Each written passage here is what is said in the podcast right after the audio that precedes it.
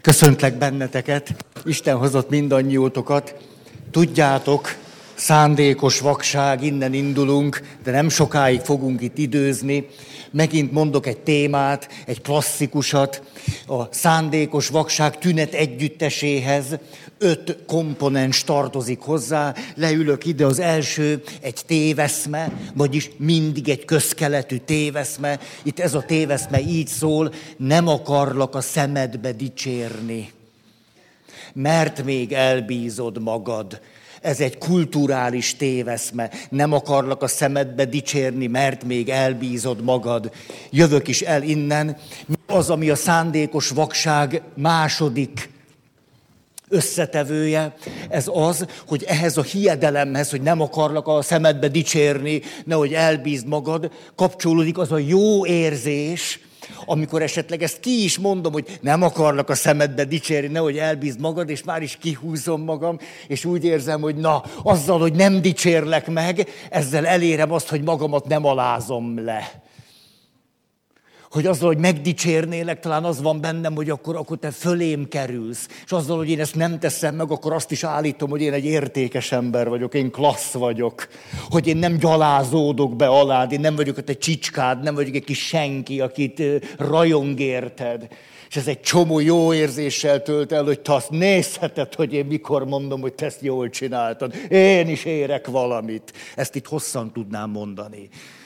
Tehát van egy téveszménk, a téveszme itt így szól, hogy nem akarlak a szemedbe dicsérni, mert elbízott magad. Az ehhez kapcsolódó és ezt a téveszmét megerősítő érzés nagyon sokaknál, főleg akiknél az önbecsülés hiányokat szenved, akik állandóan összehasonlítják magukat másokkal, és mindig éreznek egy késztetést, hogy nehogy kimondják azt, hogy valaki valamiben jó, mert akkor ahhoz képest ő, mintha azt mondta volna ki, hogy egy nulla egy senki. Ezért aztán, tehát azok a pozitív érzések, amelyek itt átjárnak, miközben én nem mondom ki, hogy te azt jól csináltad, vagy hogy én is számítok valamit, ez megerősíti ezt a téveszmét. Ehhez kapcsolódik egy én kép, amit már különösebben nem is kell rag... Jaj, de drámai volt. Egy egyáltalán nem drámai énkép, ez az énkép pedig, hogy én is érek valamit hogy hát azok dicsérgessenek, akik ilyen nyuszik, meg füvek, meg nem tudom micsodák. Hát én egy értékes valaki vagy. Negyedik, pontosan tudjuk, hogy magzatikor, csecsemőkor, kisgyerekkor és a többi, hogy abból tanuljuk meg, hogy kik vagyunk, hogy mások visszatükröznek bennünket önmagunk számára. Tehát ha valakinek nem jelezzük vissza, nem adunk visszajelzést arról nem elsősorban szavakkal, hanem a magatartásunkkal, a viszonyulásunkkal, és persze szavakkal is, hogy látlak, és értékes vagy, és klassz vagy, ezt jól csináltad, na hát ez tehetséges, na hát ez milyen ügyes, mennyit fejlődtél, és a többi, hogy látom, mennyit iparkodtál, hú, látom, hogy milyen sok munkád volt benne, na elismerésem, hogy milyen sokat foglalkoztál vele. Ha nem adunk visszajelzéseket, nem tudjuk, kik vagyunk.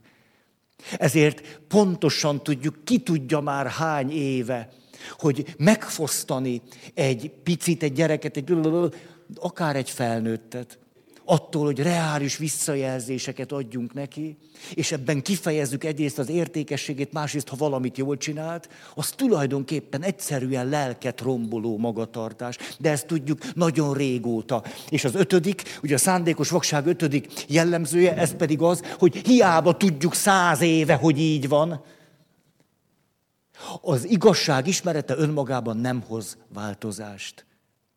Ez az a kiinduló téma, amiről beszélünk, szándékos vakság.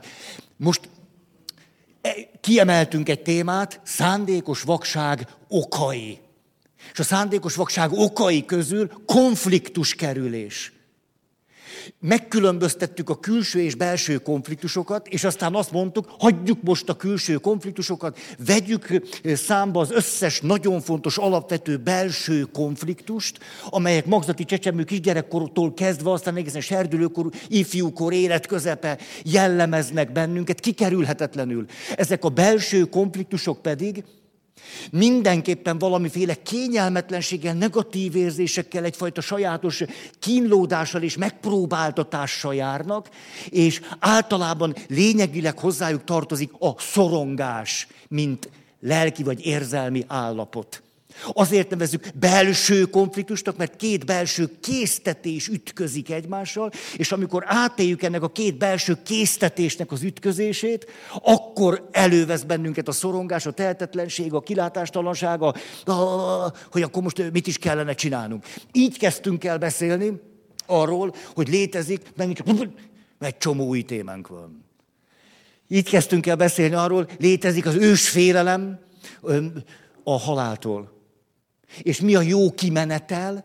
A jó kimenetel az, amikor rájövök, hogy miközben meg fogok halni, ez az egyik témánk, a másik téma pedig, hogy élni akarok.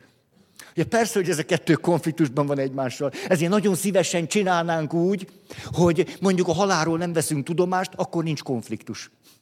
Akkor ülök azon az egyszem széken, hogy élni akarok, és az élet jó. Hát a konfliktust és a konfliktussal együtt járó szorongást. És azt, hogy jó, akkor mit csináljak? Hát, hát ezen a halál előbb-utóbb legyőz bennünket. Hogy ezt kikerüljem? Persze, hogy az egyik részét, ha megpróbálom kivenni a témából, akkor hát, akkor jó van, hát akkor jó van. Akkor csináljunk úgy, mintha nem halnánk meg. Oké, okay. de hogy mi nem ezt akarjuk, hanem az első ős belső konfliktus, és hogyan tudunk nem a vakságban maradni, hanem valahogy pozitívan kijönni belőle, mégpedig úgy pozitívan, hogy az itt megküzdött belső harcunk az összes többi erre a témára, és egyébként való belső konfliktusunkra nézve mintául fog szolgálni. Az egy végigvitt és megküzdött harc lesz bennünk, ami aztán segíti az összes többi erre vagy más témára való küzdelmünket. Tehát nagyon értékes, önmagán túlmutató jelentősége van. Ez azt jelenti, hogy Első. Eljuthatok oda, hogy szeretnék együttműködni a halállal. Akármilyen furcsán is hangzik, így is mondhatnám, most az első lépés, hogy a halálomból, abból, hogy meg fogok halni, én valami jót szeretnék kihozni. Például, hogy tudatosítom azt, hogy az életem véges. Hogy az a jó, amit ma nem tettem meg, holnap már nem tehetem meg hogy ha ma valamit elmulasztok, tudjátok, a visét nem lehet elhalasztani, csak mulasztani lehet. Hogy egy csomó jóval kapcsolatban úgy vagyunk, hogy azt halasztottam, azt nem halasztottuk, mulasztottuk. Annak már annyi. Vagyis a halállal való együttműködés nem a halál szeretetét jelenti, hanem a realitás elfogadását, és azt, hogy na, ha az életem véges, hát akkor, akkor minden napot meg fogok becsülni de mindegyiket, de akkor minden órát meg fogok becsülni. Ezt nevezem így, hogy együttműködés a halállal, ami tulajdonképpen megtanít bennünket élni. Ez az első. Második alapkonfliktus, belső, hogy mi lesz, hogyha anya elhagy, ha anya elmegy, ha anya egyszer csak nem lesz az a valaki, aki számomra a legfontosabb. Hova juthatok ki egy folyamat végére a belső konfliktusban? Miért belső konfliktus? És miért akarom elkerülni? Azért, mert vágyom arra, hogy anya mindig velem legyen, de hát egy csomó élményem van, hogy anya elmegy. Folyamatosan ezt tapasztalom, hogy, hogy egyre tudatosabb bennem, hogy egy csomószor nem akkor van ott, amikor nekem szükségem van rá, amikor kellene, amikor hívok, amikor sírok, és hiába sírtam nagyon, és hiába sírtam hosszan, és a sötétben sírtam nagyon hosszan, és nem számított. És de nagy dolog, itt most a másik részét szeretném elővenni. Ha nem csak azt mondom, ó, hát a anya megbízhatatlan az ember megbízhatatlan, nem érdemes vágyakozni senki után. Nem érdemes kapcsolatban lenni, mert csak a sérülés jön. Mert végül úgyis átvágnak. Végül úgyis mindenki úgy él, ahogy ő akar. Akkor mit jelent? Hogy ennek a konfliktusnak, hogy vágyok egy szemére, a másik része, de közben tapasztalom, hogy nem mindig úgy áll rendelkezésre, hogy szükségem lenne, akkor a vágy részét dobom ki. Azt mondom, hagyjuk a vágyat. Hagyjuk az érzelmi érintettséget, hagyjuk azt, hogy szükségem van valakire, hagyjuk azt, hogy rászorulok egy másik emberre, hagyjuk, mert túl erős lesz a konfliktus. És a konfliktus majd szorongás szül, kell a csudának. Akkor megint kidobtam az egyik részét, akkor nem a világosságot választottam. Vagyis, hogyan tudok eh, ki eh, dolgozódni ebben a második témában, úgy, hogy azt mondom, Hát de sose volt az anyám az enyém, és soha senki nem lesz az enyém, senkit nem tudok birtokolni, még azokat se, akikre igazán nagyon nagy szükségem van, akikben bízom, és akikkel kapcsolatban akár egy kiszolgáltatott helyzetet élek át. Nem, ez lehetetlen. De nem is akarlak, hanem kidolgozom magamban azt, mit jelent szabadon magamat odaadni, és szabadon valakit elfogadni, hogy szabadon egymáshoz tartozni, hogy ezt mit jelent. Hí, na aki ezt megcsinálja, mestermunka. Ja, és már is ott vagyunk az intimitás témájánál. Az intimitás, hogy képes vagyok elviselni, ha messze vagy, de fönn tudom tartani a ragaszkodásom. Az intimitás nem azt jelenti, hogy állandóan egymás szájában lógunk, elnézést a kifejezését hanem azt jelenti, hogy amikor te távol vagy, és elmész a ködös Albionba, hogy ott dolgozzál egy fél évecskét, akkor nem csallak meg. Egyszerűen azért, mert amiért te fél évig ott vagy, én magamban a távolság ellenére a vágyat és a közelséget fönn tudom tartani. Há, akkor van tétje, ugye? Tehát a második, hogy ki dolgozzuk azt az ős élményünk, hogy anyára szükségünk van, anya nem mindig úgy muzsikál, ahogy mi szeretnénk, és hogy mit kezdünk ezzel. És az érett személy fönn tudja tartani a vágyakozását, az önátadásra, közelségre való igényét és képességét, és közben el tudjuk hordozni azt, hogy újból és újból sokszor nem úgy van, ahogy szeretnénk, de közben föntartjuk a kapcsolatot. Harmadik, olyan komolyan néztek rám. E komoly téma ez? Azért néztek ilyen komolyan, vagy, vagy pihentek inkább egy kicsit, úgy merengtek. Ugye a harmadik témánk, hogy nem az anyát vesztem el, a szeretetét. Na mondja, van, a szeretetét fogom elveszíteni. Ugye, hova dolgozódok ki, mi a kimenetelünk, hogy átélem azt, hogy mert tulajdonképpen nem az vezet el a, belső halálomhoz, egy gyerekként, csecsemőként a fizikai halálomhoz, ha anya nem szeret vagy nem gondoskodik, hiszen felnőtt vagyok. A vesztemet az okozza, ha én nem szeretek. Ezért kézbe veszem a saját életem, és azt mondom, nem, a halálomra az van, ha nem szeretek. Nincs a kezemben az, hogy szeressél, legfőlebb jól tudok veled bánni. Ez a kezemben van. Meg tudok mindent tenni azért, hogy jogos legyen az, hogy te is jól bánsz velem. Mondhatjuk így, hogy szeretni fogsz. Ez van az én kezemben. És ami leginkább, hogy én dönthetek amellett, hogy jól bánok veled, hogy szeretni foglak, csak nem szeretem ezt a kifejezést. Na. Negyedik. Félelem a kritikától. Attól, hogy nem csak kritikának leszünk majd kitéve, hanem a kritikával együtt valamiféle minősítés vagy ítélkezés fog megtörténni. És ez számunkra egyfajta büntetést fog jelenteni. Tehát félelem a kritikától és a büntetéstől, hiszen gyerekkorban rengeteg ezzel kapcsolatos élményünk van. Hogy állandóan mondta anya, apa, nagy és mindenki, miért csinált, hogy csinál, hogy nézek, Hát erről van tapasztalata mindenkinek. A kritikától és a büntetéstől való félelem. És hova juthatok el? Oda, hogy képes vagyok elfogadni a kritikát, és mindazt, ami úgy tűnik föl, mint valami sorscsapás, és ez két dolgot erősít föl bennem. Az egyik, hogy minden kritika lehetőséget ad nekem arra, hogy valamit jobban meglássak magammal kapcsolatban. Még akkor is, ha fáj, sőt, még akkor is, ha igazságtalan. De például egy édesanya átéli a serdülő gyermekei kritikus magatartását, ahogy ütik, vágják őt. És az anya egyszer csak eljut oda, hogy tulajdonképpen a gyerekeinek az igazságtalan, bántó magatartása az tulajdonképpen életkori sajátosság. A serdülőkor egyik ismérve, és ha azt akarom, hogy egy életképes felnőtt legyen, érdemes megbarátkoznom vele. Az nem azt jelenti, hogy jól esik.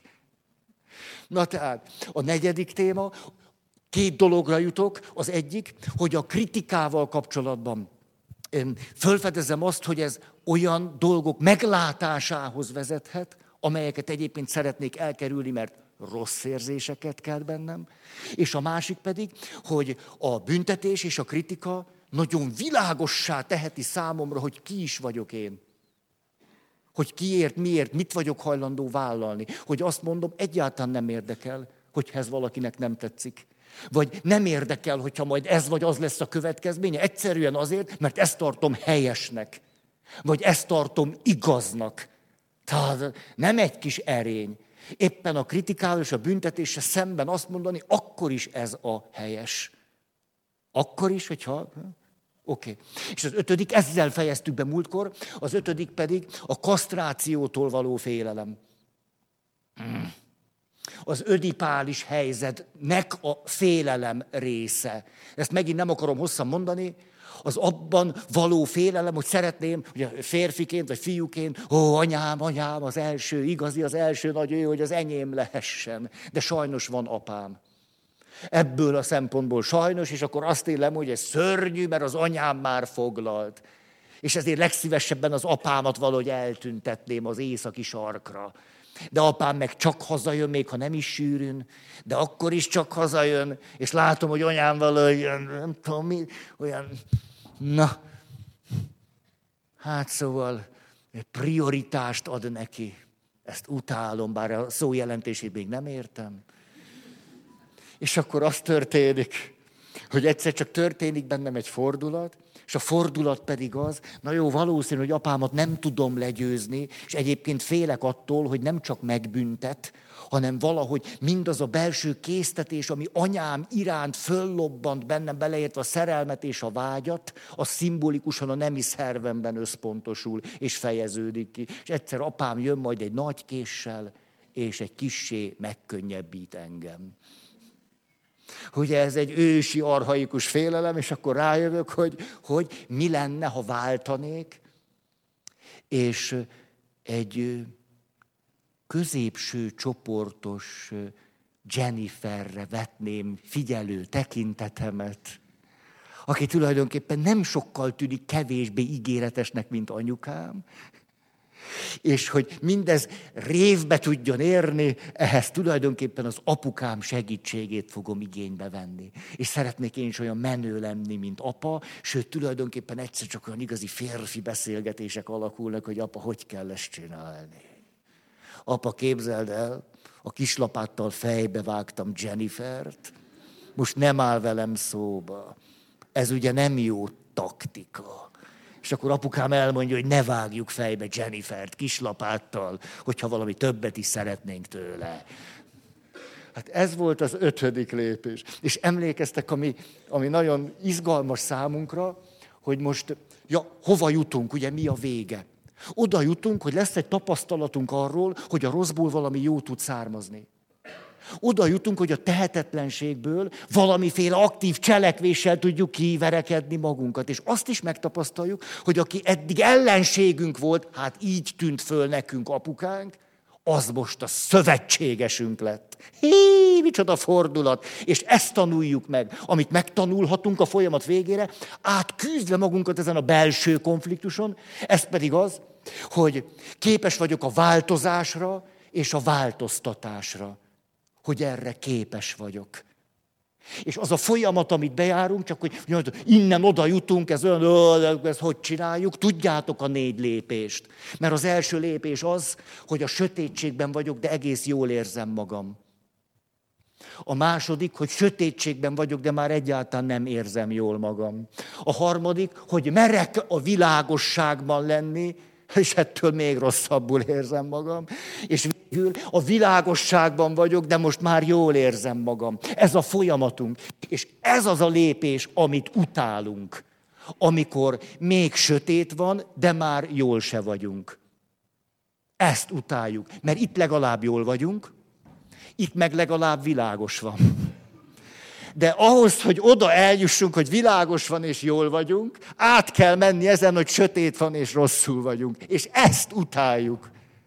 És ezért lehetséges az, hogy követhető, amit mondok, ugye? Mert itt tolom, tolom, érzem, mint ezerrel tolom. Azt mondja, hogy És ezért ezt úgy is láthatjuk, hogy van két részünk. Az egyik részünket az jellemzi, hogy nagyon szeretjük a világosságot, és utáljuk a sötétet. Ez a részünk egy nagyon egészséges részünk. Igen ám, de a folyamatban általában eljutunk a másik részünkig, a másik részünket pedig az jellemzi, hogy tulajdonképpen a sötétben érezzük magunkat biztonságban. Hogy ne derüljön ki, ne kelljen látni, hogy senki meg ne nevezze, hogy rá ne mutassanak, hogy ki ne derüljön, hogy ne kelljen beszélni róla, hogy ne kelljen még egyszer átélni, hogy ne kelljen ránézni, hogy ne kelljen rágondolni, hogy ne kelljen leírni, ne kelljen elmondani, hogy a sötétben éljük meg magunkat biztonságban, és ezzel összefüggésben a világosságtól félünk. És nagyon is félhetünk a világosságtól, egészen oda, hogy rettegünk a világosságtól. És ez ellentmond egyébként a közkeletű önmagunkról alkotott képnek, hogy mi természetesen olyanok vagyunk, hogy mi a világosságot szeretjük, és a sötétséget meg nem. De a működésmódunkban néha ide csúszunk, és óriási nagy jelentősége van azt a világosságot megengedni magunknak, hogy azt mondjuk, hogy most éppen itt tartok. Hogy most még a sötétben érzem magam biztonságban és a világosságtól félek, hogy most itt tartok. És az, hogy most itt tartok, azt jelenti számomra, hogy még viszonylag valahogy elviselhető az élet. És attól félek, ugye, hogyha négy széket visszarakom, hogyha oda jövök, hogy a világosságra kimegyek, ha ide kijövök, akkor szörnyen fogom magam érezni. És egyébként ezt jól gondoljuk. Mert tényleg van az, az, van az a pillanat, van az a perc, van az a nap, van az a hónap, éppen mennyi, amíg tényleg pocsékul érezzük magunkat, amikor éppen a szembesülés van. A világosságban meglátunk valamit, és nem kapunk levegőt. És, és, és ah, persze, hogy pocsékul érezzük magunkat, de nagy dolog valakinek van bátorsága ideülni, és ezzel lehetőséget teremteni arra, hogy aztán világos van, és jól is vagyok. Ah, még kimondani is jó, kicsit itt el, elücsörgök, majd az előadás után gyertek, üljetek ide, hogy ez milyen iszonyú jó, majd azt lerakom oda. Hogy világos van és jól vagyok. És itt most egy témánál megállnék, ugye itt az ödipális konfliktus elakadása. Ha valaki, mondjuk egy hölgyemény, az ödipális korszakban elakad, akkor ő kifejezetten veszélyeztetett lesz arra nézve, hogy számára egyébként hosszú távon egyáltalán nem megfelelő férfi kapcsolatai legyenek hogy elérhetetlen férfiakkal akarjon majd kapcsolatban lenni. Ez vagy ilyen lehetetlen személyek utáni szakadatlan vágyakozásban nyilatkozik meg, vagy szeretői viszonyokat fog létesíteni, mert tulajdonképpen az a férfi már egy foglalt férfi, pont úgy, mint az apám annak idején, de mégiscsak megpróbálkozom ezt a konfliktust, na hát, ha hát, ha sikerül. És persze sokszor sikerül, és akkor szeretői viszonyból szeretői viszonyba megyek, és közben ezekben a kapcsolatokban egy csomó minden történik velem. Ja, és ott megint mondhatjuk, hogy ki tudja, hogy van benne jó, meg van benne rossz, hogy finoman fogalmazzak. És ezt most miért akarom hozni? Azért, mert tulajdonképpen egy nagyon érdekes dolog történik, ez pedig az, hogy emlékeztek, beszéltünk, hogy a félelemre négyféle választ tudunk adni. Emlékeztek? Hogy lehetséges az, hogy elkerülöm azt, ami félelmet kelt, erről most épp beszéltünk. A második, hogy elmerülök abban, ami félelmet kelt, és ott adott esetben lebénulok, leblokkolok, és a többi. A harmadik, hogy éppenséggel ott maradok abban a helyzetben, ami félelmet kelt, nem bénulok le teljesen, próbálok az érzelmeimmel valamit kezdeni, hogy elviselhető legyen, de a helyzettel nem tudok mit kezdeni. Ezt nevezte egy kutató így, hogy fogcsikorgatok. Tehát benne maradok a helyzetben, nincs meg az az autonómiám, kreativitásom, hogy hogy a helyzettel is kezdjek valamit, fogcsikorgatok. A fogcsikorgatás pedig többé-kevésbé azt jelenti, hogy lakályossá teszem a börtönöm. Tehát egy olyan helyzet, ami nem jó nekem, de az...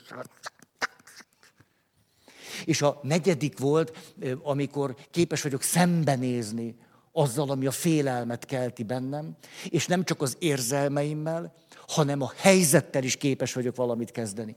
Ez most azért volt érdekes, mert na, gyerekkortól kezdve megyünk, és gyerekkorban mi mindannyian többé-kevésbé megsérülünk. És akkor leszek az a kisfiú, aki nem mer fejest ugrani, az a nő, aki nem mer autót vezetni, az a nő, aki szeretői viszonyról szeretői viszonyra lépeget, az a nő, aki a másik nő vállán kísírja magát, és azt mondja, nem értem, hogy miért mindig ilyen férfiak vonzóak nekem. Mindig ezeket a nős pasikat vonzom be. Ezt tudjátok, hogy ez semmilyen is, hogy bevonzom. Egyszerűen van egy alapélményem, egy ős élményem arról, gyerekkorból, hogy a legfontosabb férfi, a férfi, a nagy ő, az egy olyan valaki, aki nem érhető el. De tulajdonképpen egy örök ígéret, mert itt van apa, tehát tulajdonképpen... És elakadok ebben a fázisomban.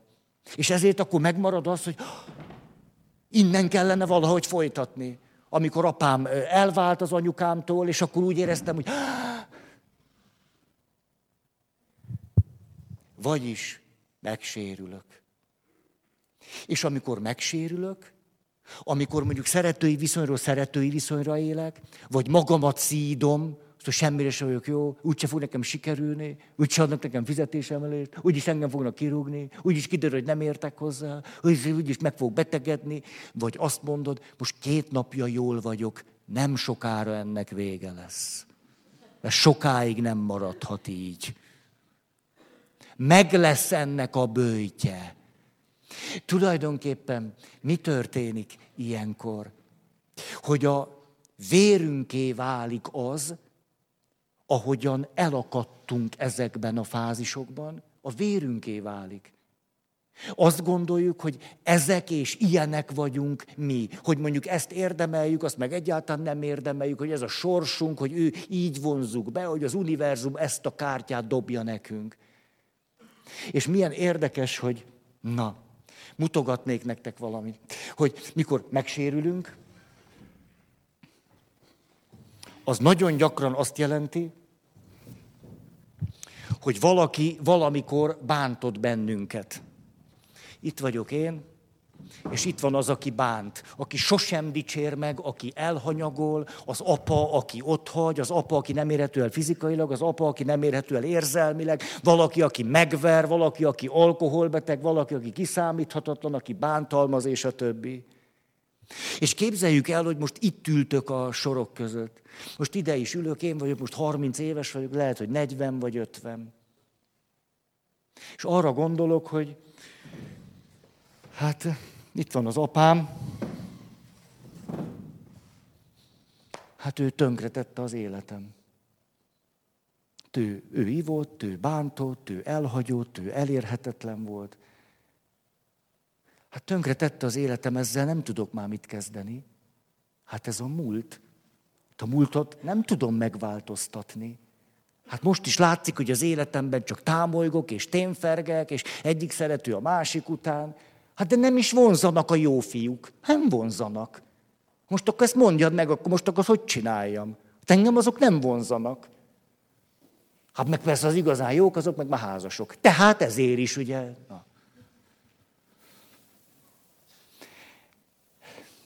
Mit kezdhetünk ezzel a helyzettel? Hát már megsérültem. Ez már a múlt. Ez már megtörtént. Ezen itt nem tudok változtatni.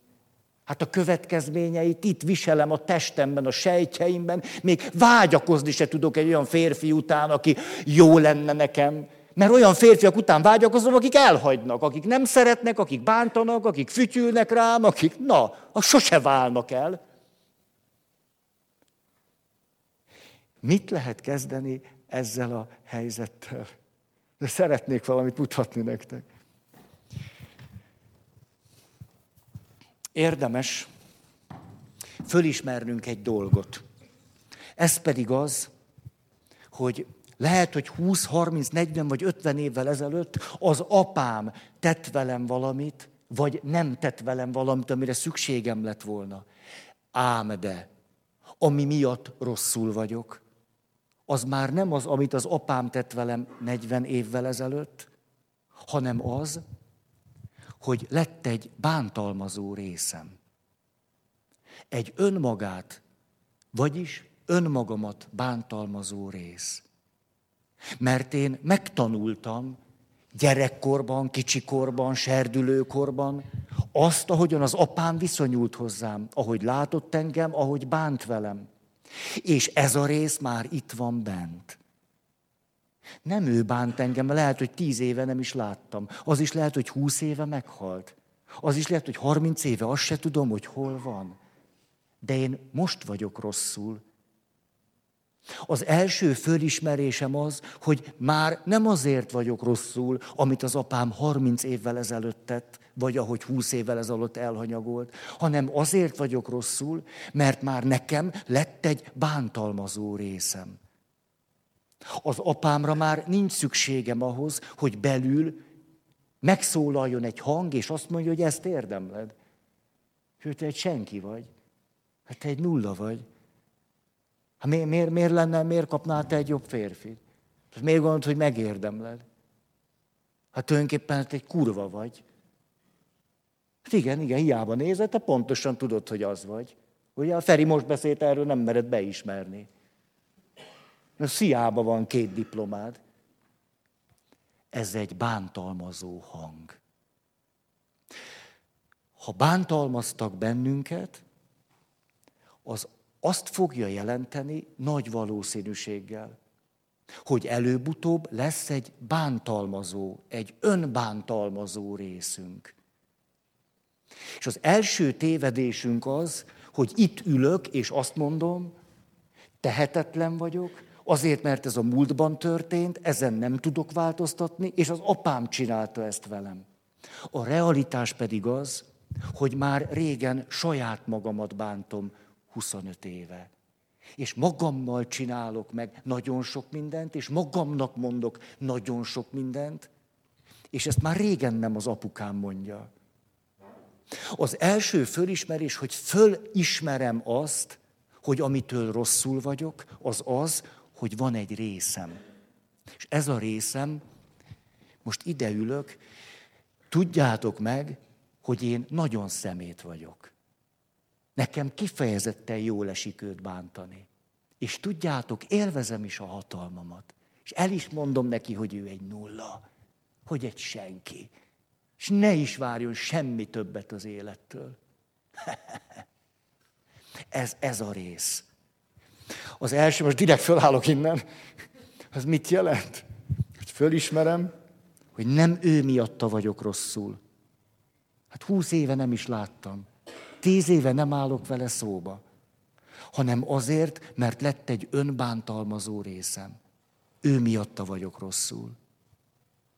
A második fölismerésem. Ugye azt mondtam, hogy hát azért vagyok tehetetlen, mert hát ez a múltban történt. Tehát a múltat nem tudom megváltoztatni, hogy elhanyagoltak, hogy elhagytak, hogy a szüleim elváltak, hogy bántottak, hogy ezt nem tudok ezen változtatni. És fölismerem azt, hogy nem a múlton kell változtatnom, hanem a jelenben lévő bántalmazó részemmel kell valamit csinálnom. Hogy semmi akadálya nincs, hogy ennek a bántalmazó résznek azt mondjam, hogy takarodsz innen, nézz el innen. De nagy dolog egy bántalmazó részemnek azt mondani, hogy tűnsz innen.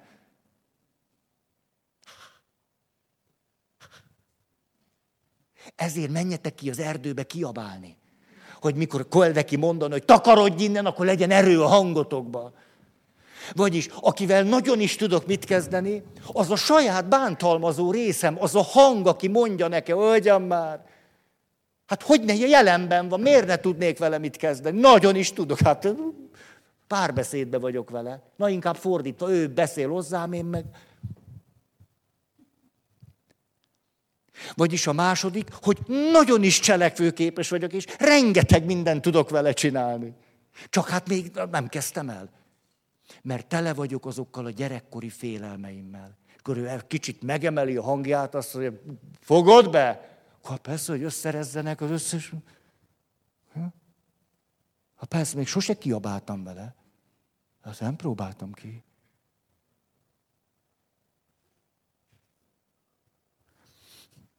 Harmadik. Azt szoktuk mondani, hogy hát össze, szokták ezt mondani, hogy tegyük le a múltat. Hogy? Hát, hát, hát nem tudjuk lerakni a múltat. Az az érdekes, hogy nem is kell. Hogy egyszer csak a világosságban el tudom ismerni, hogy igen, ez a múltam. Igen, pontosan ez történt velem.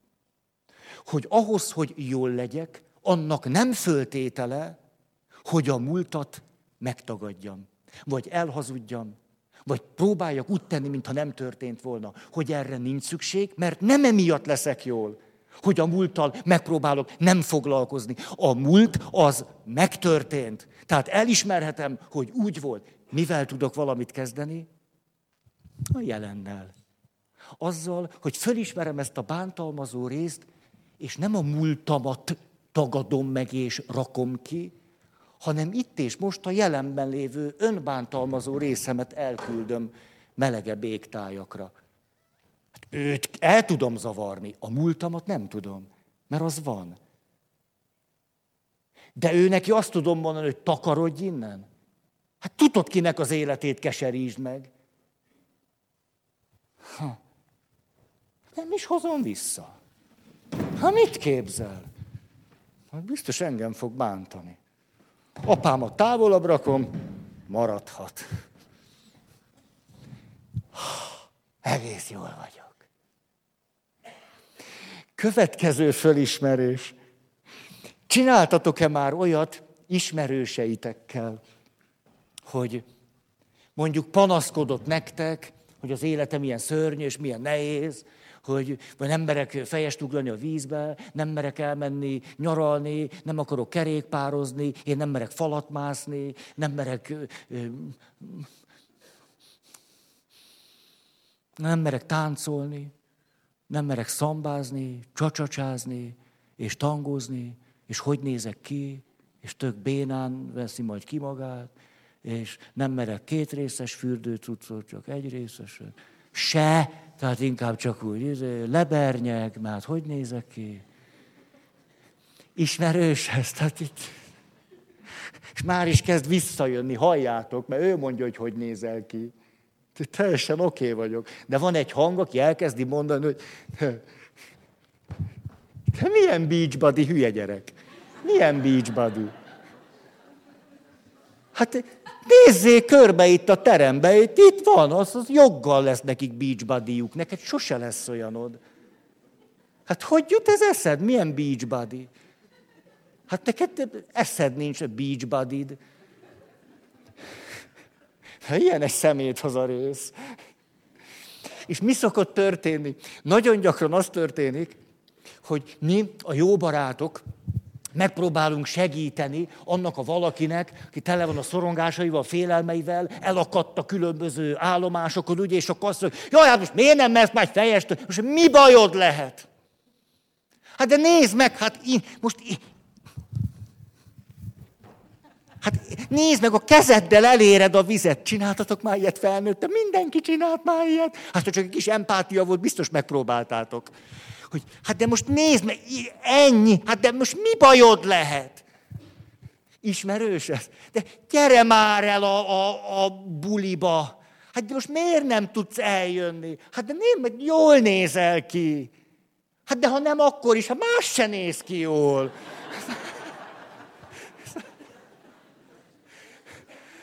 Tulajdonképpen mi szokott történni?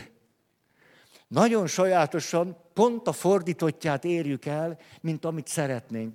Mert amikor egyre hevesebben mondjuk, hogy hát próbáld már meg, hát most, most, most otthon, tehát most gyurmázunk. Hát, ne, de én nem tudok gyurmázni. De senki nem tud gyurmázni. Hát de most egy nyári tábor, most, hát próbáld ki. Nem tudok rajzolni. De ez nem rajz, most mit kell félni a rajzolástól? Nem jössz kirándulni. De most miért nem jössz kirándulni? Nem bírod. De hát mindenki bírja, hát három kilométer.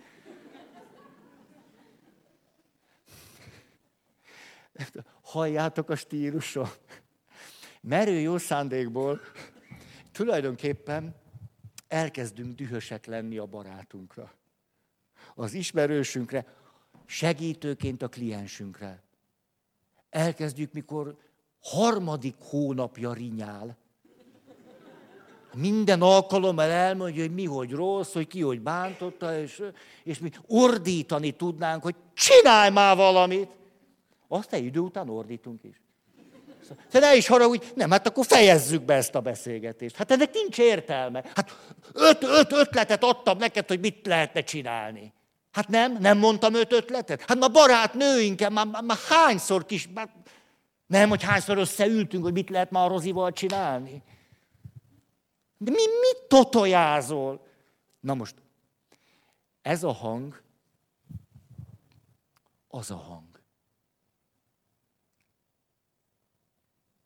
A nehézség az, hogy segítőként, és ez lehet, hogy barát, vagy barátnő, vagy segítő, vagy fölavatott pszichológus, vagy akárki, nagyon gyorsan eljutunk oda, hogy ahogy látjuk azt, hogy ő elakadt ezen az úton, valami belső konfliktusában, valami bántalmazásban már önmagát bántja, hogy elkezdjük mi is bántani, merő jó szándékból.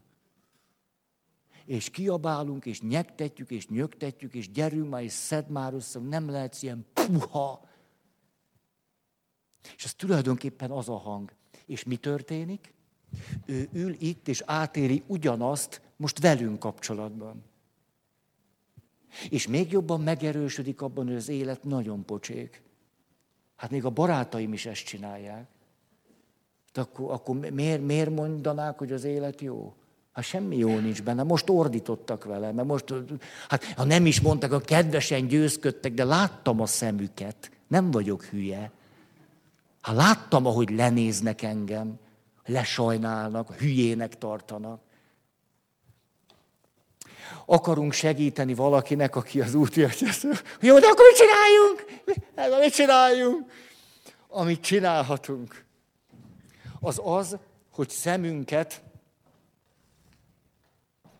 ha van valami előismeretünk, egy pillanatra az apára vetjük, és azt mondjuk, nem véletlen, hogy most nem meri. Nem véletlen, hogy nem tudja, hogy fél tőle, hogy magának mondja, hogy sose fogom tudni csinálni, hogy én béna vagyok, sose fog sikerülni. Ez nem véletlen. De ha nem látjuk az apját, nem is kell látnunk. Mert a lényeg, hogy lássuk az önbántalmazó részét. Ő rá nem érdemes haragudnunk, mert szegénynek épp elég nehéz az élet. Ezért látom a bántalmazó részét, és szívemből utálom. Azt a részét utálom. Őt nem utálom. Ő egyre közelebb van hozzám. Hát nagyon, hát előhívja az együttérzésemet. Hát eszembe sincs vele kiabálni, hogy ugorjon már, meg táncoljon már, meg másszon föl, meg próbálkozzon, meg... No. Hát miért nem írt egy randi oldalon most már jelentesd meg magad? Hát, hát persze, hogy nem lesz soha egy társat, hogyha hát hol, hát de, de nem is vagy fönn sehol. Ismerős ez? Hát te nem vagy fönn sehol. Hát ha nincs egy felület, amin megjelensz, akkor hogy gondolod? Nem vele kell harag, haragosnak lenni. Ő vele. Mert ő az, aki innen hátulról azt mondja, hogy Hát minek próbálkoznál? Hát van otthon tükör, nem? Hát egyébként is annyira szerencsétlen vagy, azt gondolod, hogy véletlen, hogy 32 éves korodban nem volt még egy komoly kapcsolat? Gondolod, hogy véletlen? Hogy lenne már véletlen? Hát, hát, hát rád nézni, hát olyan szerencsétlen vagy, komolyan mondom. Miért sikerülne? Hát apád is ott hagyott. Én már csak tudom. Joggal. Itt vagyok, és őt szeretném befogadni. Őt pedig, őt utálom, mert bántja a barátomat. Hát ő bántja a barátomat. Ezért azt mondta, ezt a hangot, te amikor ez megjelenik benned, én ezt a hangot úgy utálom. Én ezt a hangot az északi sark legmélyére elküldeném. Azért, hogy hagyjon neked békét. Hát utálom. Nem őt. Azt a hangot, az önbántalmazó részét.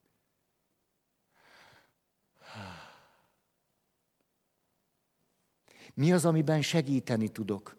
Ez az, és ez megint egy érdekes fölismerés lehet, hogy eddig a probléma tudatom mi volt.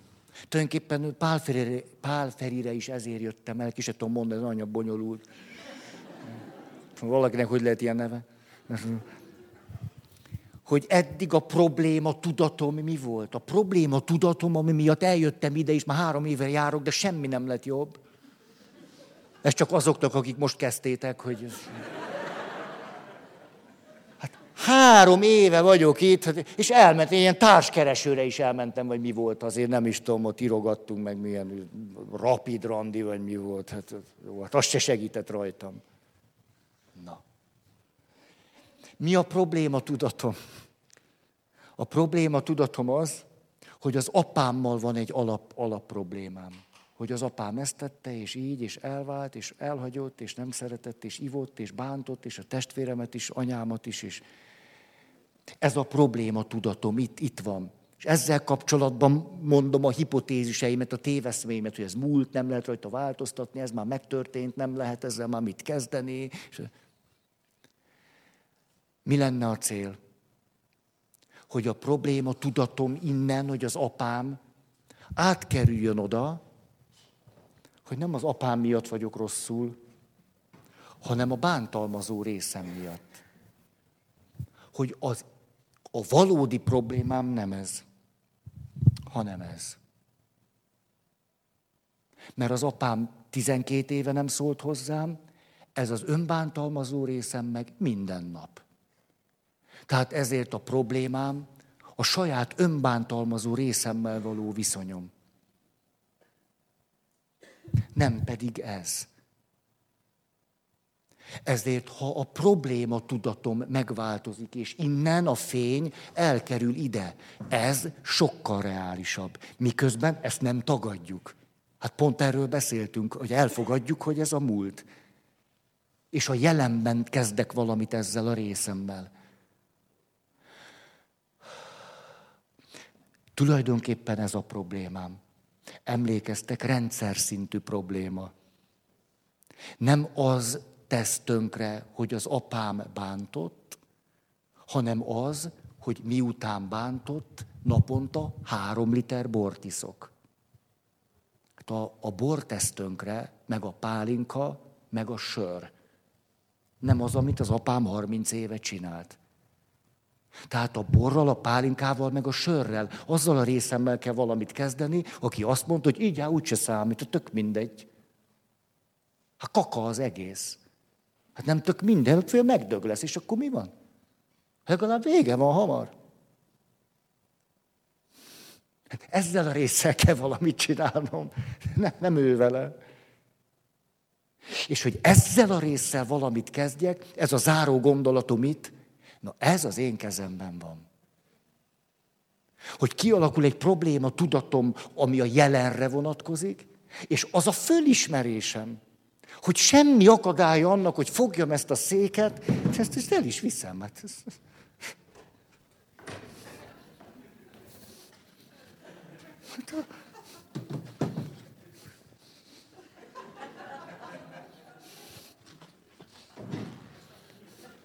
Na, Ja, egész jól vagyok.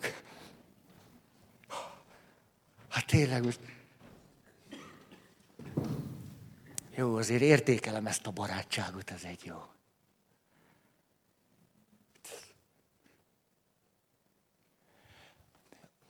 Szerettem volna egy picit bemutatni azt, hogy mire a jelenbe értünk, most tulajdonképpen a múlt alap és ős belső konfliktusairól beszélünk, de a realitás az, hogy ezek az ős és alap belső konfliktusok mindaz, ahogyan ebből kijöttünk, vagy nem jöttünk ki jól, ahogyan nem bírtuk végigvinni a folyamatokat, ezek bennünk élnek és elevenek, nagyon elevenek. Megakadályozzák, hogy jól legyünk. De nem a múltunkkal kell alapvetően valamit kezdeni, hanem a jelenben eleven, bántalmazó, elhanyagoló részünkkel. Mert a problémánk az, nem elsősorban a múltunk. Hát jól esik ezt kimondani, hogy van mit csinálni. Hé. Mondom a hatodikat. Nem tudom, hogy a hölgytársaim, ti a kasztráció, most akkor négy székem lett, de nem baj, hogy ti a kasztrációs szorongást mennyire vettétek magatokra. Gondolom kevésbé, csak a, a tisztesség kedvéért mondom, hogy a kasztrációs szorongásnak van női párja az ödipális korban. Tudjátok? Nem. Nem emlékeztek rá? Úgy hívják, hogy pénisz irítség. Az a párja. De miután az nem félelem, hanem irítség, ezért nem beszélek róla. Kifejezetten a félelmekkel foglalkozunk. Félelem, belső konfliktusok. Nézzük akkor a hatodikat. Hatodik belső konfliktusunk és félelmünk, ez pedig így szól, hogy félek attól, hogy rosszat teszek, de főképpen attól, hogy rossz vagyok. Félelem attól, hogy rosszat teszek, vagy félelem attól, hogy rossz vagyok. Ugye a kettő nem teljesen ugyanaz. A félelem attól, hogy rosszat teszek, ez a kisebbik félelem. Mert legfőjebb, akkor legközelebb nem teszek rosszat. A nagyobbik félelem, a mélységes félelem, ami egészen a halál félelemig visz, az az, hogy egyszer csak kiderül, hogy rossz vagyok. Az a mélyebb félelem. Nem tudom, ti ismeritek-e azt a beszélgetést, hogy Popper Péter fiatal emberként Pilinszki Jánossal beszélget. Talán ismeritek. És akkor azt kérdezi tőle, hogy mondja neki, hogy hát te János, te hiszel ilyesmikből, hogy ítélet, meg végső ítélet, meg nem tudom, harsodákat megfújják, és akkor jönnek az angyalok, meg világvége. Hát János, te, te hiszel ebbe, hogy ez így van, végső ítélet. Pirinszki János azt mondja Popper Péternek, tehát nem, biztos, hogy nem így lesz hogy az angyal majd meg nem tudom, a mennyből elkezdik sorolni, hogy mit csináltam, nem, de biztos, hogy nem így lesz. Hát ha valahogy lesz, akkor például az úgy lesz, hogy a nyakunkba fognak akasztani egy táblát. De a táblán semmi más nem lesz, csak az, hogy hogy éltünk. Egyszerűen csak ennyi.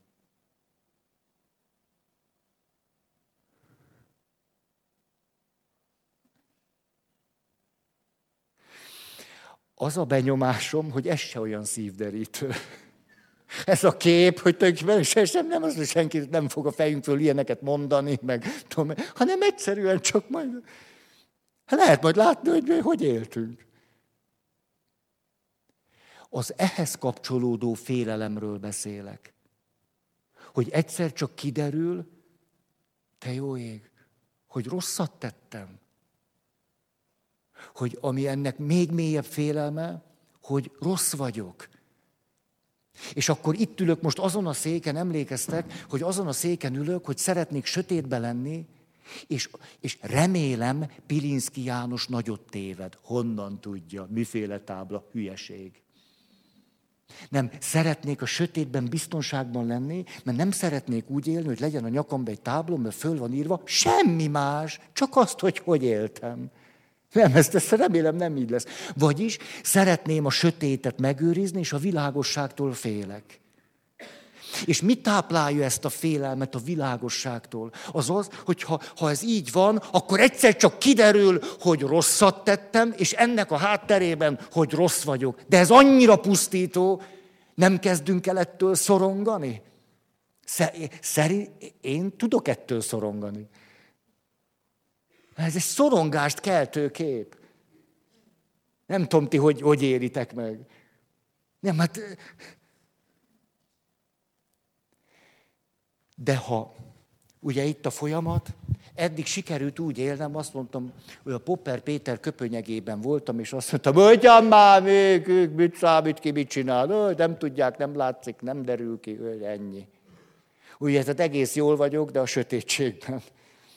Hogyan második, Pilinszki ezt mondja nekünk, hogy majd lesz egy tábla, és rá lesz írva, hogy hogy éltünk. Ugye most elértük azt, hogy még sötét van, de már pocsékul vagyunk. Ugye ezt közel engedjük magunkhoz, akkor körülbelül ez, ez van. Ugye, de hát nem akarok itt megállni, mert a harmadik lépés az, hogy na, hogy van ez a tábla? Na, ehhez kell egy kis bátorság, ugye, hogy azt mondja, mi van ezen a táblán? Hát ez, hát ez nekem se jó olvasni hogy merem a világosságot és az ezzel járó rossz érzéseket elviselni, hogy látom, hogy mi van a táblán, de tudom, hogy milyen irányba haladok, hogy világosság van és jól vagyok. De hogy, hogy lehet az? Hogy van az, hogy világos van és jól vagyok? Ez nem valami szép elgés. És azért nem, mert nézem a táblát, és mondjuk az van odaírva, hogy volt, hát igen, volt, volt valaki, az, az, az elég csúnyán bántam vele. De hogy tudok világosban lenni és jól lenni? Hát átülök ide, és azt mondom, hát rendben van, de ezt a táblát, ezt még tovább lehet írni. Hát még élünk, nem? Ezért most a táblán ez a mondat úgy fog szerepelni, hogy nagyon csúnyán bántam ezzel a valakivel, és elmentem hozzá, és azt mondtam, hogy bocsáss meg nekem, kérlek, nagyon sajnálom. Hát ez így egész vállalható. Nem, hát ez van odaírva, ez a vége, hogy oda mentem, és azt mondtam, bocsáss meg nekem, kérlek. Szerintem ez, hát ezzel tudok együtt élni. Hogyha ezt a képet használom, Pirinszki János képét, akkor addig, addig van a, a, a borzadály és a szorongás, amíg azt gondolom, hogy ott a táblán ott van minden pont, egy csomó pont van, jó, bele van vésve, és ennyi. De miért lenne ennyi? Hát szabad vagyok. Az anonim alkoholisták, tudjátok milyen gyönyörűséges, egészséges, hogyha olvassátok a pontjaikat, az elején szól arról, hogy, hogy beismerem, hogy, hogy nálam hatalmasabb erő, beismerem, hogy nem tudok ellenáll. Ez rendben van. És hogy van a második része? Hogy beismerem, hogyha az életem, ugye itt vagyok, jön a világosság, és közben pocsékú vagyok. Azt mondja, beismerem az életem során valamit nem tettem jól, hát ezt beismerem. És igyekszem kiavítani, sőt jóvá tenni. És elismerem az okozott károkat. És fölhagyok a léthazugsággal. Azzal, hogy a sötétben próbálja magamat biztonságban érezni. Ez gyönyörűséges, mert ez azt jelenti, hogy akármit tettem, vagy akárhogy éltem, átülök erre a székre, és minden egyes mondatot, ami a táblán van, én most befejezek másképpen. Ahogy én akarom. Tetszen zseniális.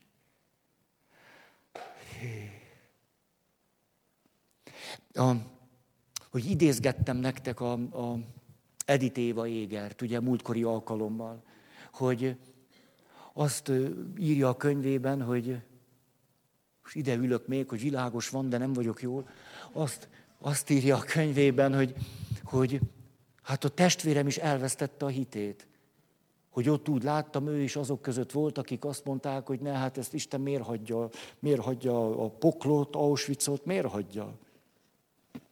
Miért? Hát ne, egy ilyen Istenben nem lehet hinni. És akkor azt mondja, hogy igen, én hallottam ezt a beszédet, de én nem így láttam. És azért nem így láttam, mert például, mikor már kimentünk Auschwitzból, és vonultunk, és akkor az amerikaiakhoz kerültünk, és, és akkor például volt olyan kassai lány, rab, fogoly társam, aki amikor hozzájutott sok ételhez, akkor azt mind behabzsolta, és meghalt tőle. Azt mondja, mi az amerikaiakhoz kerültünk, és ő nekik se volt túl sok ételük, kis csokijuk volt, meg kis kenyerük, és tulajdonképpen, hát ha akartam volna, se lehettem volna mohó. Mert mindig csak kevés élelmet adtak, mert csak annyi volt. És én erre azt gondolom, hogy hát ez valamiféle gondviselés. Hogy nem is ehettem olyan sokat, hogy abba belepusztuljak. Hogy pont annyit kaptam, ami, amit a szervezetem föl tudott dolgozni. Hát ez nem is rossz. Hát hiszen van egy kossai diáklány társam, ő, ő meghalt ebben. Hát ak- én meg nem. Hát én is lehetnék ott, de nem így van. Hát akkor ez valamiféle áldás. Hé.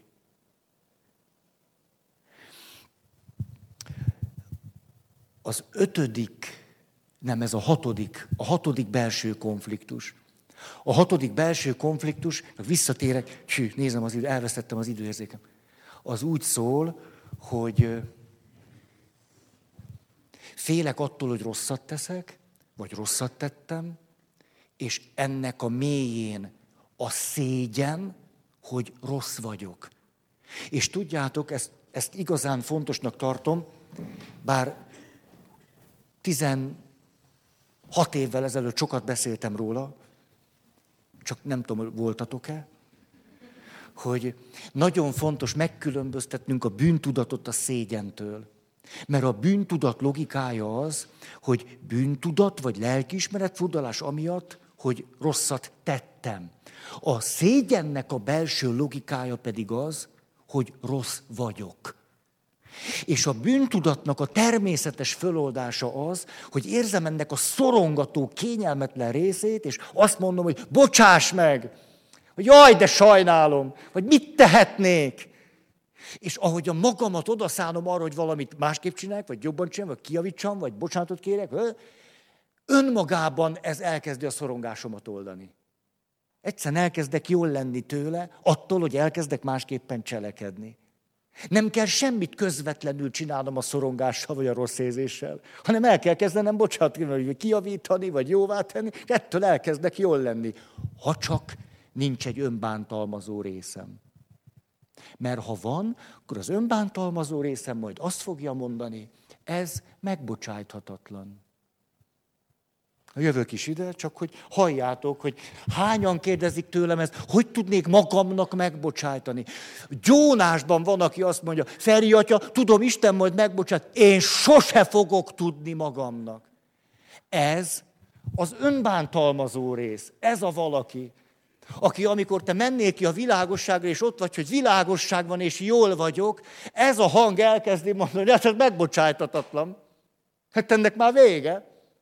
Ugye, a gyerekként mondtuk, ami ragad, az tapad. Hát ez az önbántalmazó rész. És az önbántalmazó rész elíteti velünk, hogy a múlttal nem tudunk mit kezdeni. De nem a múlttal kell valamit kezdeni. Hát ezt már tudjuk, hanem a jelennel, a magunkkal. És azt mondja, fogod be a pofádat? Ez egy olyan papos, papos. Hát elmész te a búbánatnak a mélyére. Mi az, hogy, hogy nem tudom jóvá tenni. Hát nincs az, amit ne tudnék. Nem a múlttal kezdek valamit, hanem ő vele. Ha.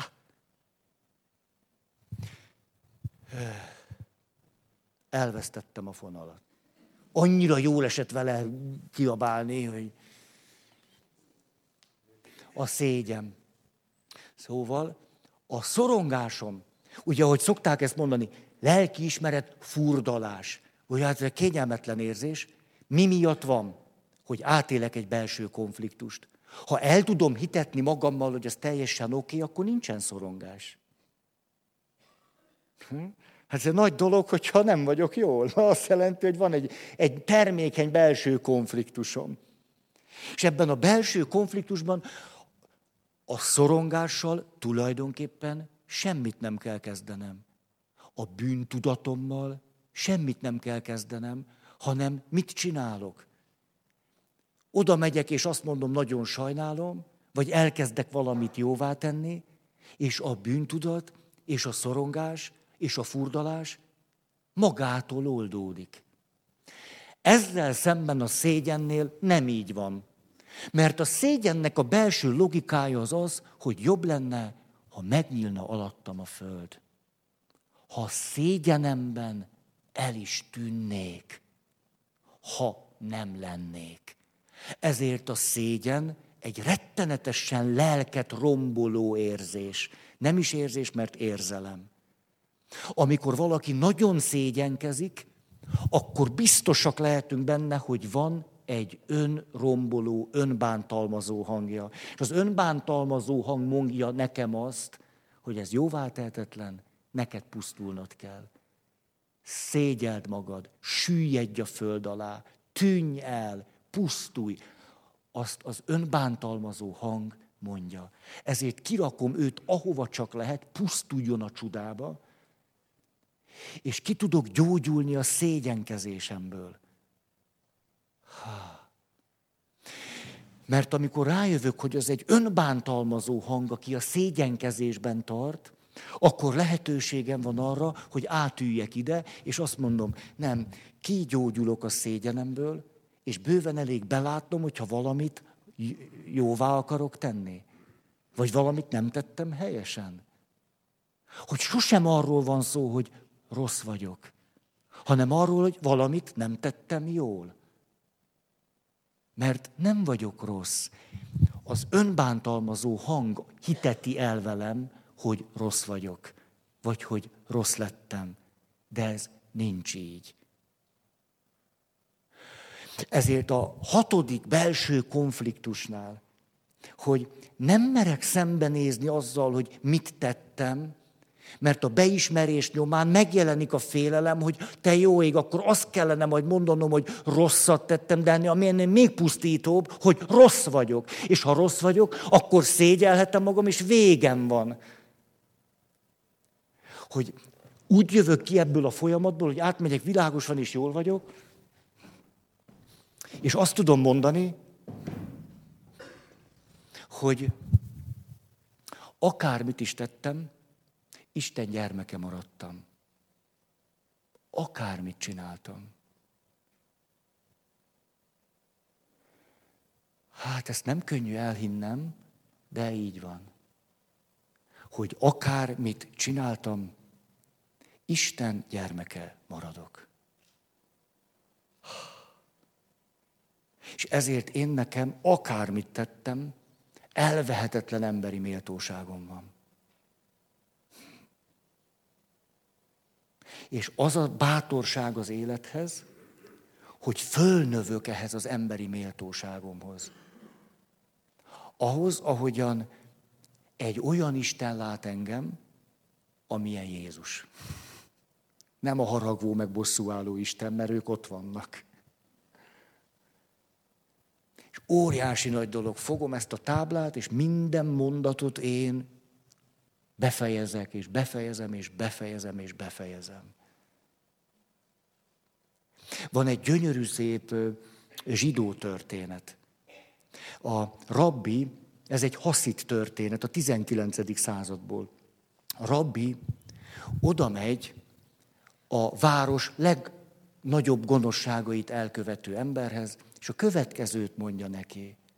Hát József, én nagyon irigykedem rád, mert a mennyországban úgy fogsz tündökölni, mint az esthajnal csillag. Erre a József áll, azért ekkora hazugságban ő sincsen. És a rabbi a következőt mondja neki. Mert ugyanis tudod oda át, az összes sötétségünk világosságra fog változni.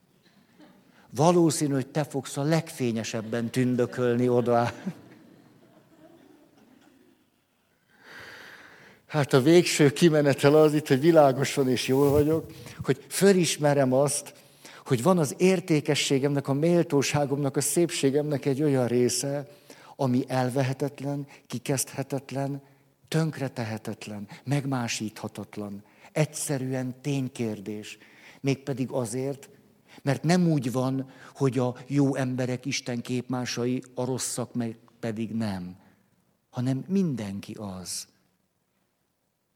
És mikor ezt fölfedezem magamon, hogy de hiszen ez így van. Most, ő, hát most két perc, anyu, ú,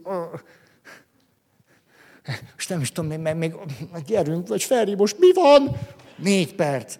Hogy mivel szeretném befejezni? Hát befejezni azzal szeretném, hogy tulajdonképpen a hitéletünket, a vallásosságunkat, a moralitásunkat nagyban tulajdonképpen egy, milyen érdekes árnyékom lett, ugye? Ott az árnyékom, ajajajaj. Hogy a vallásosságunk túlnyomó részben egy felettesén vallásosság. Most, ha nagyon le akarnám egyszerűsíteni. És ezért a hitéletnek, vagy a vallásosságnak általában a kulszavai, hogy törvény, hogy mit kell csinálni, mikor kell visére menni, hogy kell ott viselkedni, ne rak keresztbe a lábad, ne lóbáld a lábad, integetsz a sátánnak, rakd a lábad rendesen mikor ehetsz húst, mikor nem ehetsz húst, 60 évesen ehet, nem ehet, de 14 évesen így, és akkor gyere, és ezt csináld, és péntek van, és nagybőt van, és 6 óra, és 8 óra, 10 óra, és űrendes, és most meg a fogadat, és... És utána teljes papi vagy püspöki díszben ülünk a templomban, mert senki nem jön be. És nem értjük, hogy ez miért nem vonzó. Hol vannak a fiatalok? Miért nem epekednek ide? Hát azért nem, mert a vallásosságunkból szép lassan csináltunk egy szabály és egy morálgyűjteményt, egy törvénytárat. Ugye ez azt jelenti, hogy tulajdonképpen az Isten nevében folyton folyvást, most lélektani beszéd, amit mondok, a felettes énünket szólítjuk meg, ugye a felettes én, a lelkiismeret van, az én ideál van, hogy ilyen legyen, olyan, és mi az, amire szinte, ha nem is lenne. Ebben az egyszerű modellben, hogy felettesén, ez pedig az, az ösztönén. Mert az ösztönént azt nagyon hasonlóan, mint a társkapcsolatban emlékeztek, hogy úgy kezdődik a kapcsolat, hogy kezdődik a kapcsolat. Most olyan szívesen picit ráhúznék két-három percet, megengeditek? Csak azért, hogy legyen egy kifutása. Hogy jó, tehát, hogy, hogy az ösztönénnél az jó, ezt, ezt mondjad még. Hogy a, csak hogy egy párhuzamot mondjak, ugye úgy kezdődik a szerelem, hogy hát hogy kezdődik? Haj, vonzalom, vágy, erotikus kívánságok, ugye? És nem sok biztonság. Ugye hát a közöm sincs, hogy ki, na, tehát ezért akkor csomót beszélgetünk, van sok szenvedély, kevés biztonság. Amikor lesz egy egyensúly, tudjátok, most már van, a szenvedély még van bőven, Hát és a biztonság is meg, és sok mindent megtudtam rólad, azt tudom, hogy hányos lábad van, és hogy mennyire büdös. Tehát most ma azért ez biztonságos talaj, ilyenkor szoktuk megkérni egymás kezét, ugye, mert van szenvedély, van biztonság. És hogy eltelik húsz év, hát nem húsz év, nem kell, mert négy is elég, akkor ne idealizáljuk itt ezt a folyamatot, hát akkor ugye szép lassan elapad a szenvedély, és marad a biztonság. De persze, hogy a biztonság marad, hát hiszen mindent elkezdünk szabályozni, struktúrálni, születik egy gyerek, két gyerek, fölvettük a csokot, hát persze nem, nem, hát persze, hogy fölvett, ez, ez nem, nem, nem, hogy mondjam, meseműsor, hát egy csomó veszteni valónk van. Hát persze, hogy mindent szabályozunk, minden, hogy legyen, így legyen, úgy legyen, ki mit mond, mikor, hát, hány cumi, hány gyerek, hány, minden, minden. minden. Elmegy a szenvedély. A hitéletünkkel ugyanezt a folyamatot csináljuk. Vagyis az történik, de ez intézményesült pont úgy, mint, na most, az történik, hogy, hogy, hogy hát ifjú, ó, jaj, tényleg Isten, tényleg, a, ó, spiritualitás, ó, transzcendencia, misztérium, ó, ó, ó, hát egy tök izgalmas világ. Hát egy vonzó Isten, izgalmas, színes, értitek, hogy nyálam kicsordul.